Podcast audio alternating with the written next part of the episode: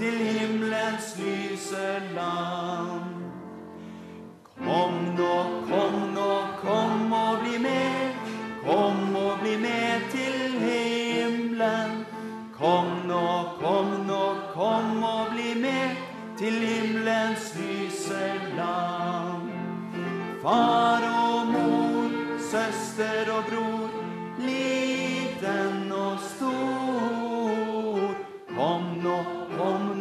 kom og bli med til himmelens lyse land.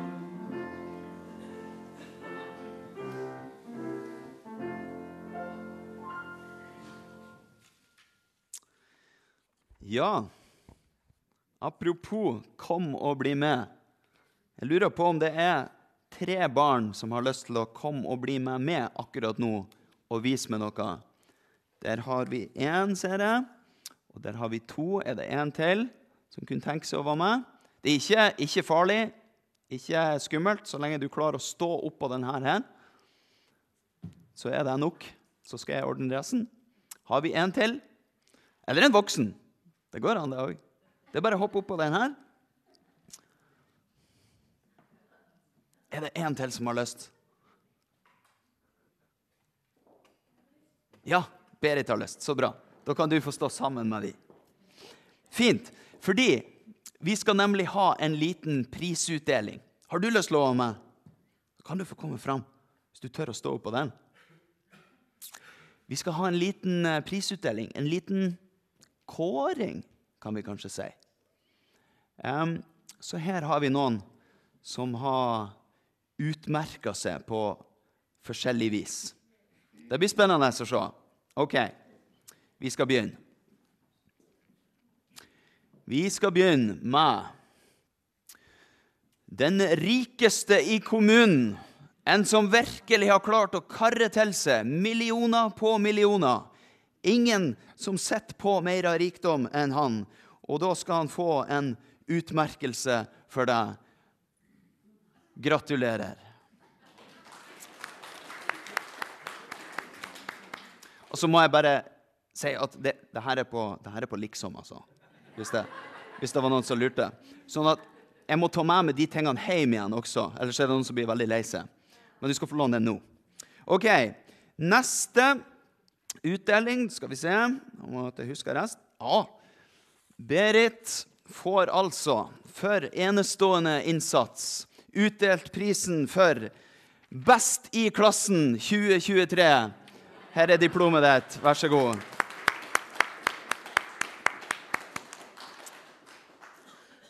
Og så har vi til slutt Grete Oline.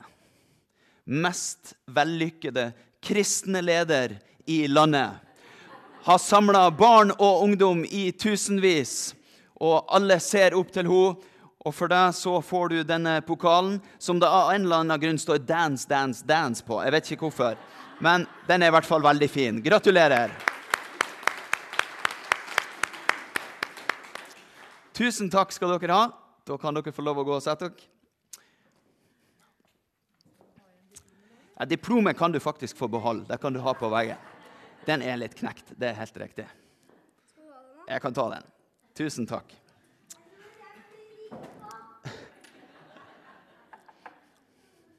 OK. Sånn her, ikke sant? Sånn prisutdeling og utmerkelser og sånt, det er vi vant til. Noen som går opp på en pall, og så får de en utmerkelse, en eh, premie av en eller annen type. ikke sant? Vi har sett det før. Og det er ofte nettopp sånne ting som vi løfter fram i rampelyset. De som er flinke, de som er dyktige, de som har gjort det best, de får utmerkelser, de får rampelys, og alle vi andre ser opp til de og tenker åh, hvis jeg bare hadde vært mer som han, eller mer som hun. Gjør vi ikke det? Jeg tror det. Men nå skal du få være med på ei helt anna kåring. Noe som vi kaller en saligkåring. For hvem er de salige? Det er de som har oppnådd det aller mest gledelige og lykkelige vi kan tenke oss. Og den kåringa, skjønner du, den er kanskje ikke helt sånn som du tror. Nå skal vi høre hva Jesus har å si når vi leser ifra Matteusevangeliet kapittel 5, vers 1-12. Vi leser i Jesu navn. Da Jesus så folkemengden, gikk han opp i fjellet. Der satte han seg, og disiplene samlet seg om ham. Han tok til orde og lærte dem. Salige er de som er fattige i ånden, for himmelriket er deres.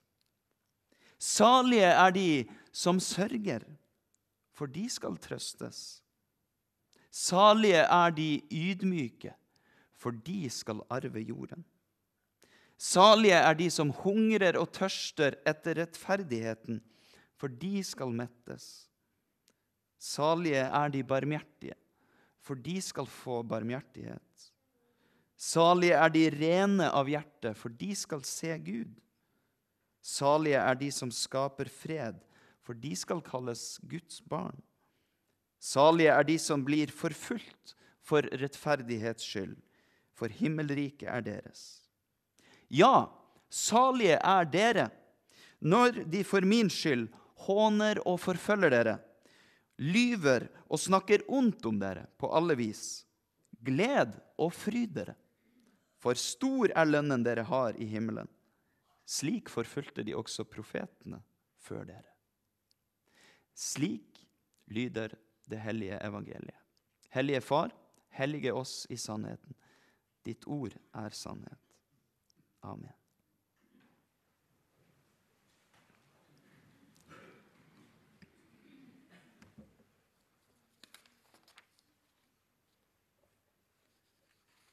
Ja, du. Det var ganske annerledes. Det var ikke helt sånn som vi gjorde det her. De som ble trukket fram for enestående innsats og for at de var så flinke. Dette var jo ganske annerledes. Det var de fattige i ånden, de som sørga, de ydmyke. Det var ei merkelig kåring. Hva kan det bety, egentlig? Det Jesus sier her, det er begynnelsen på en lang tale som heter Bergpreken. Den kan dere godt lese når dere kommer hjem, for er, der får vi litt å tygge på. Og Den heter Bergpreken fordi de gikk jo opp på et fjell, ikke sant? Der de fikk høre hans ord. Er det noen som husker ei anna fortelling ifra Bibelen om en som får noen ord oppe på et fjell? Er det noen som husker det? Ingen som husker det. Nei, da må vi Ja, ja Moses, ja. Han var oppe på et fjell, og han fikk noen ord. Nærmere bestemt ti av de. Vi kaller de ofte de ti bud. Ikke sant? Der vi får vite hva Gud vil av oss og med oss. Og Vet du hva som skjer hvis vi prøver å leve etter Guds vilje? Hvis vi prøver det, så ser vi ganske fort at det klarer vi ikke. Vi makter det ikke. Det er noen som tror at de klarer det, og det er de som sammenligner seg med andre. Fordi så lenge vi er bedre enn noen andre, da må det jo være ganske bra. Ikke sant? Det var noen som gjorde det på Jesu tid. Det var de som ble kalt fariseerne. De var så mye bedre enn andre mennesker de hadde så mange gode gjerninger. De var så flinke til å kjenne alt som sto i Bibelen. De vil man ha kalt kanskje rike i ånden. De vil vi kanskje ha forventa var tatt opp på pallen av Jesus og sagt Bra! Dere har jo gjort det bedre enn de fleste. Men det gjør han ikke i det hele tatt. Han tar noen helt andre opp på pallen. Han tar de som er fattige i ånden. De som ikke har noe å gi til Gud. De som ikke har noe å skryte av i det hele tatt. Det er de som er de salige, sier Jesus. Hvordan i all verden er det mulig? ja, hva er det de gjør denne dagen? Hva er det de gått opp på dette fjellet for å gjøre? Husker dere det? Ja, de gikk jo opp dit for å høre Jesus, ikke sant? Og var sammen med han.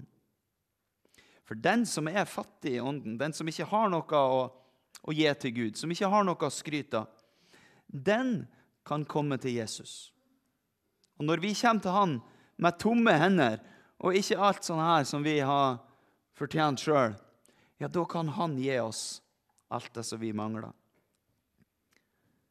For han har gitt livet sitt på korset og åpna himmelriket for oss. Vi som var fattige, har han gjort rik. Og så kan du lese de her saligprisningene, som de heter, på nytt. Og så kan du se at det er han som kan trøste når vi sørger. Det er han som gjør oss ydmyke, så vi kan arve jorda. Det er han som metter den som sulter og tørster etter rettferdighet. Han er svaret på hvordan et menneske kan bli salig og oppleve det aller mest gledelige og lykkelige som finnes. For når vi har Jesus, da har vi alt. Og i dag er det allehelgensdag. Vi sa litt om det i begynnelsen, men hvem er nå de her helgenene egentlig? Det er egentlig ganske enkelt. Det er alle de som har holdt fast på troen på Jesus helt til døden. De er forbilder for troen vår. Vi kan lese om de i Bibelen. Det fins mange av de opp gjennom historien. Kanskje du til og med har kjent noen av de. Noen som har betydd noe for din tro, som har fullført løpet og kommet fram.